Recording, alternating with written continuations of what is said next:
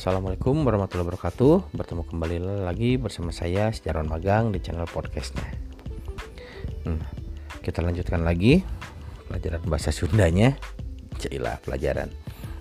Kita belajar bahasa Sundanya Jika uh, kemarin-kemarin kita sudah bahas tentang kata ganti orang pertama jamak, orang kedua jamak, nah yang ketiga kita coba orang ketiga jamak, kita bahas itu. Nah, orang ketiga jamak dalam bahasa Indonesia itu mereka. Jadi mau laki-laki perempuan, pokoknya lebih dari satu itu mereka. Nah, dalam bahasa Sunda itu katanya sama dengan kata ganti orang kedua, hanya di akhirannya ditambahkan kata na, imbuhana. Jadi yang tadinya maraneh jadi maranehna, aranjen jadi aranjena itu merujuk kepada kata mereka. Contohnya, contoh kalimatnya adalah misal gini. Bola itu dimainkan oleh mereka. Bola it, bola eta di, dipainkan ku maranehna gitu. Nah, maranehna di sini merujuk kepada mereka gitu. Itu untuk bahasa loma atau bahasa untuk menceritakan orang orang banyak kepada uh, yang setara gitu, setata gitu, selevel lah, sepantar gitu. Nah, ada lagi kata aranjena. Kalau aranjena ini lebih halus, gitu. Sama mereka juga, cuman lebih kepada uh,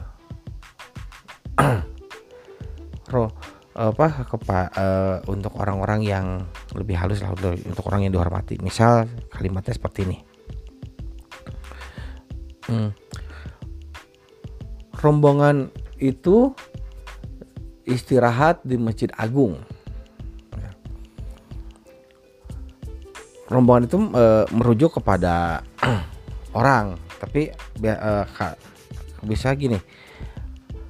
Marane Aranjena istirahat di Masjid Agung gitu. Aranjena kepada anggota rombongan itu maksudnya gitu. Jadi mereka beristirahat di Masjid Agung Nah, dalam bahasa Sundanya yang halus adalah aranjena istirahat di Masjid Agung. Anjen ini bisa juga dipergunakan pada orang-orang yang kita tidak kenal sebelumnya gitu, pada orang baru, kepada tamu gitu kan. Jadi aranjen untuk me menunjukkan penghormatan. Jadi intinya untuk kata ganti orang ketiga jamak itu ada maranehna dan ada aranjena itu yang umum dipakai. Jadi jangan sampai salah menggunakan kata ganti orang baik itu kata ganti jamak atau kata ganti orang tunggal. Mana yang kasar mana yang halus mana yang sedang itu sedapat mungkin dipergunakan agar tidak menimbulkan ke apa ya menimbulkan apa kesalahpahaman gitu.